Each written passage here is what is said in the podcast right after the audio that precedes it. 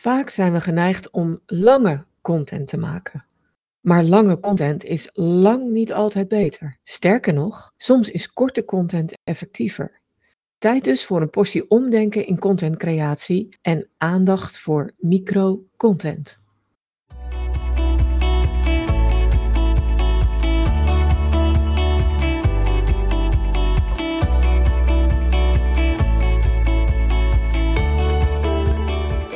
Onder microcontent versta ik alle content die heel kort en compact is. Dat is over het algemeen content die niet langer is dan 15 tot 30 seconden. Of die niet meer tijd vraagt om te consumeren dan 15 tot 30 seconden. En het is content met één compacte, duidelijke kernboodschap. De term microcontent is al wat ouder. Die dateert uit 1998 en kwam van ene Jacob Nielsen. En die zei: Microcontent is a small group of words which can be skimmed by the reader to understand the wider message of the article. En als je die definitie hanteert, dan beperk je jezelf noodloos. Want meneer Nielsen had het met microcontent echt over woorden.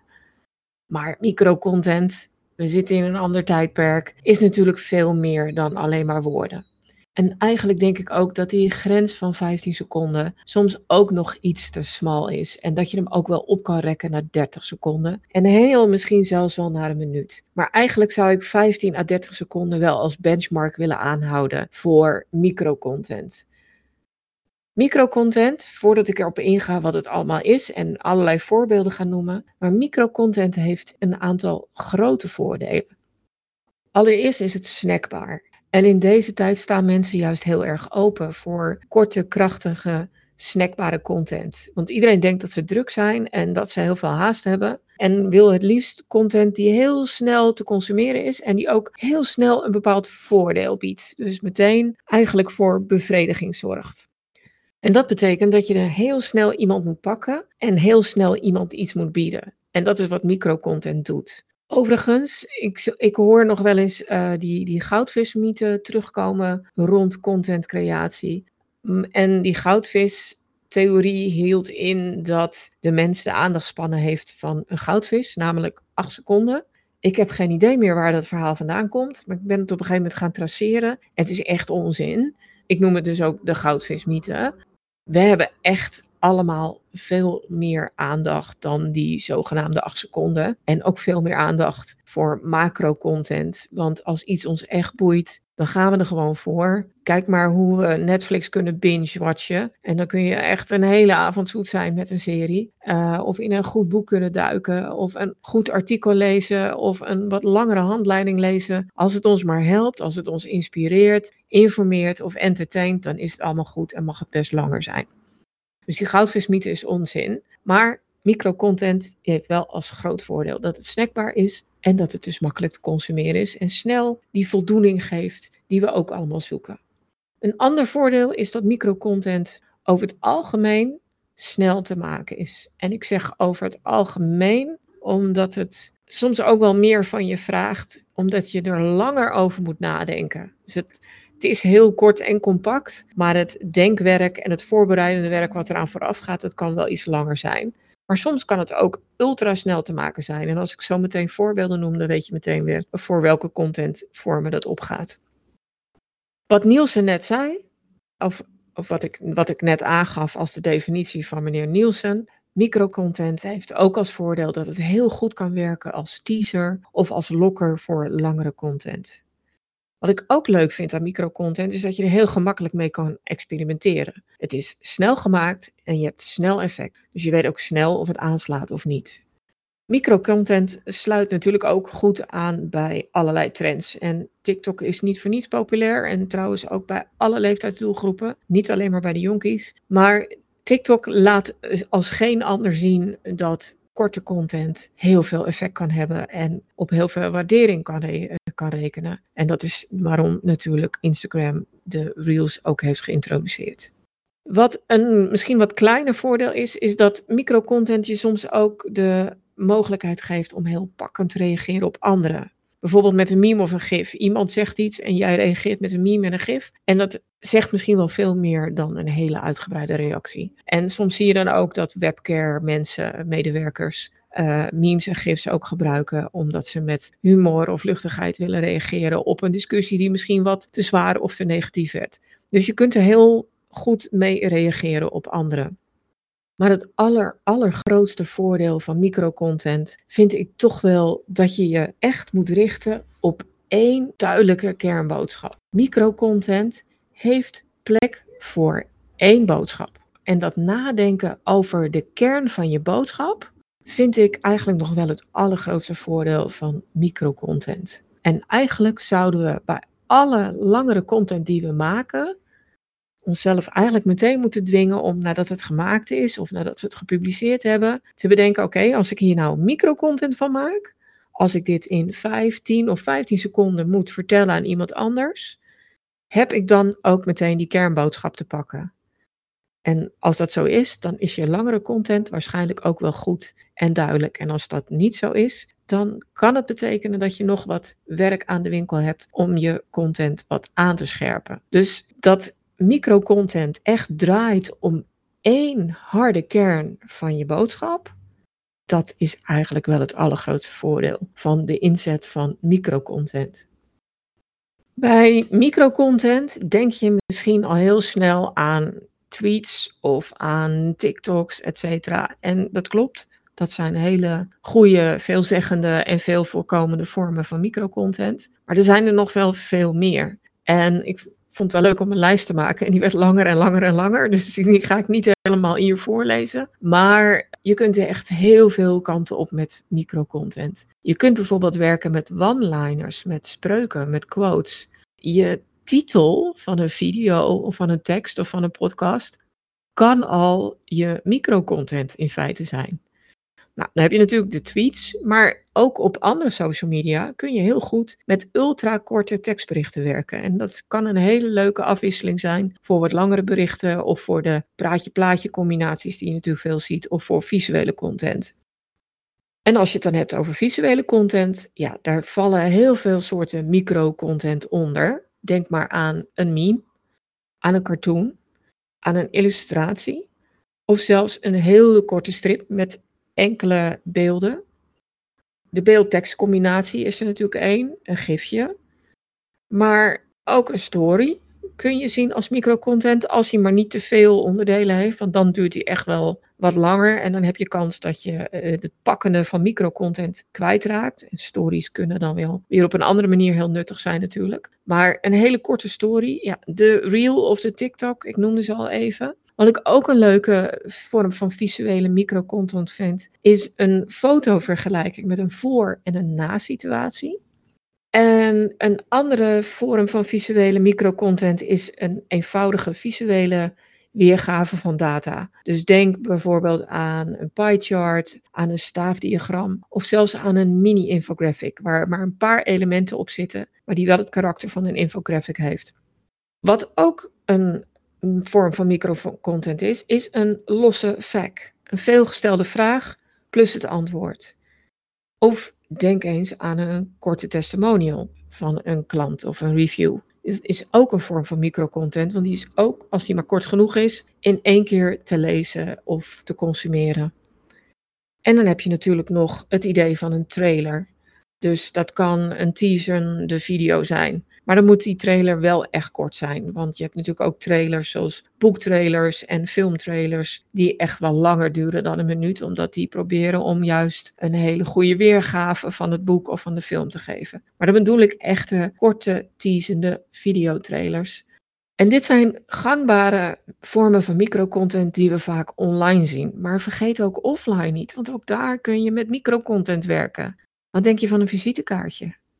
Daar kan natuurlijk veel meer op staan dan alleen maar heel droge naamcontactgegevens. Daar kun je ook een heel kort stukje content bij zetten. Misschien wel een quote of uh, een resultaat wat je boekt of een afbeelding. Nou, je, kunt er heel veel kanten mee op.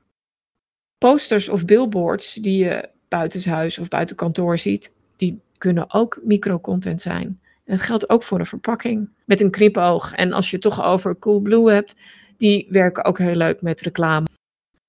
Merchandise zou ook microcontent kunnen dragen als het maar een kernboodschap bevat. Dus niet alleen maar je logo. Dat vind ik geen content, want het heeft gewoon geen verdere zeggingskracht of geen boodschap, helaas. Maar sommige vormen van merchandise lenen zich ook wel heel goed voor microcontent. Of zou je dan zelfs op zichzelf als microcontent kunnen beschouwen? Bijvoorbeeld een t-shirt of een sweater met een statement kunnen mensen gaan gebruiken als microcontent omdat ze dat dragen. En dat geldt in feite ook voor advertenties. Of dat nou een klein tekstzoekertje is of een pagina grote advertentie, mits die natuurlijk niet te veel copy heeft. Maar ook als een advertentie in pakweg 15 of 30 seconden te consumeren is en men daar de boodschap uit kan halen, dan zou je dat ook als microcontent kunnen beschouwen. Wat ik niet eerder benoemd heb, maar wat ik wel fijn vind van microcontent, is dat ze heel erg geschikt zijn voor gebruik op mobiel. En omdat iedereen toch eigenlijk de hele dag op zijn mobieltje zit, is het wel fijn als je daar ook specifieke content voor hebt. Juist op mobiel moet iets supersnel laden en snel te bekijken of te klikken zijn. En dat kan met microcontent, want die heeft maar heel weinig middelen nodig om getoond te kunnen worden op een mobiele pagina. Het is meestal weinig afbeeldingen, weinig tekst. Dus dat laat heel erg snel. En dat is wat we allemaal willen als we op een mobiel zitten.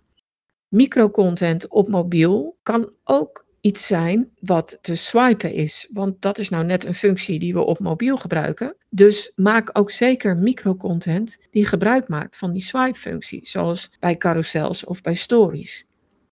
En net als bij alle content geldt dit ook voor microcontent. Je moet kiezen. Je kunt onmogelijk altijd alles doen, want dan ga je veel te divers worden en dan heb je grote kans dat je doelgroepje niet meer snapt. Dus je moet een aantal microcontent vormen kiezen, idealiter, waar je vaker op teruggrijpt. En dan is het handig om te kijken van oké, wat is ook alweer mijn marketingdoel en welke microcontent vorm leent zich daarbij? Want daar zitten echt wel verschillen in.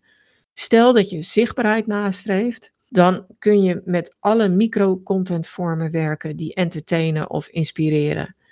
En dan heb je het dus over memes, gifjes, microvideo's zoals Reels en TikToks, dat soort werk. Die realiseren over het algemeen veel interactie en die interactie draagt er ook weer aan bij dat je microcontent extra zichtbaar wordt en dus ook dat je bedrijf en je merk extra zichtbaar worden. Wil je je merk laden, dan zou je kunnen denken aan stories, reels, TikToks, oftewel alle microvideovormen, maar ook aan memes en aan alle beeld-tekstcombinaties. Want deze microcontentvormen geven sfeer en kunnen heel goed laten zien waar je voor staat. Is je marketingdoel om je expertise te tonen aan je doelgroep? Dan zou ik meer kiezen voor die dataweergaves, dus de, de mini-infographics, de staafdiagrammen, uh, de pie charts, dat soort zaken. En wees dan niet bang dat je te droog wordt als je ze ook combineert met reels en TikToks. Want die kunnen ook heel informatief zijn en heel goed gebruikt worden om expertise te tonen. En je kunt ook heel goed beeldcarousels inzetten om een boodschap over te brengen die meer informatief en illustratief is van je expertise. En je kunt natuurlijk korte tekstberichten gebruiken. Ik bedoel, Twitter is nog steeds heel geschikt om te laten zien welke kennis en know-how er in je bedrijf is. En die korte teksten kun je natuurlijk ook op andere social media gebruiken. Nou, tenslotte, als sales je doel is, nou, dan kun je natuurlijk verschillende vormen gebruiken, maar ik zou me met microcontent focussen op het tonen van resultaat. Dus dan kun je denken aan zo'n voor-na foto of video, of aan een testimonial, of aan scherp geformuleerde teksten en titels, waarmee je overdraagt wat het resultaat is of wat de winst is, het plezier is wat mensen hebben als ze jouw product of jouw dienst gekocht of gebruikt hebben. En dan gaat het weer om het eindresultaat. En dan kan die microcontent enorm triggeren voor mensen om zich verder te oriënteren en om jouw product aan te schaffen. Een paar korte gebruikssuggesties voor microcontent of inzetsuggesties. Uiteraard kun je ze los gebruiken. Ja, dat spreekt voor zich. En dan kun je ze op social media delen en nou, noem maar op. Wat ik ook leuk vind aan microcontent is dat je ze goed kunt recyclen. Je kunt ze op meerdere plekken inzetten, dus op meerdere social media kanalen vaak wel. Maar je kunt ze ook na een x aantal maanden gerust nog een keer gebruiken, omdat ze over het algemeen vrij vluchtig van karakter zijn. Maar met microcontent kun je het heel gemakkelijk in een content planner gewoon een aantal keren inplannen over, verspreid over het jaar. Of in een bepaalde periode als het dan net heel relevant is. Dat is helemaal niet erg, vinden mensen prima.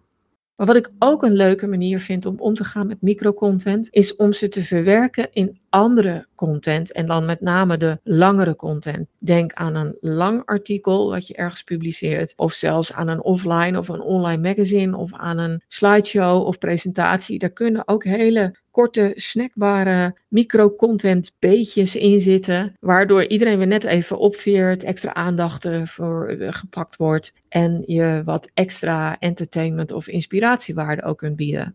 En dat geldt natuurlijk ook voor het inzetten van microcontent in je nieuwsbrief. Nieuwsbrief software wordt steeds beter en we kunnen ook steeds meer, het komt ook steeds beter aan bij je doelgroep. Dus microvideo, afbeeldingen kun je in principe ook in je nieuwsbrief plaatsen. Maar dat geldt ook voor een quote of iets wat met kleur afwisselt of een, een meme. Uh, dus daar kun je ook veel dingen mee doen, waardoor een nieuwsbrief soms ineens een heel ander karakter gaat krijgen en ook weer meer inspeelt op de wens van je doelgroep om wat meer te kunnen scannen en wat meer te kunnen snacken. Nog een laatste tip voor de inzet van microvideo. Ik heb het een paar keer genoemd, maar wat bij microvideo content wel van belang is, is dat je ook altijd wat tekst toevoegt. Of het nou hele korte, bondige ondertitels zijn of wat tekstkreten. Maar dat is omdat het merendeel van de mensen, rond de 85%, zonder geluid kijkt. En dan is de impact van je microvideo dus optimaler op het moment dat ze ook zonder geluid al de kern van een meer inhoudelijke boodschap tot zich kunnen nemen, omdat er gewoon wat tekst is toegevoegd.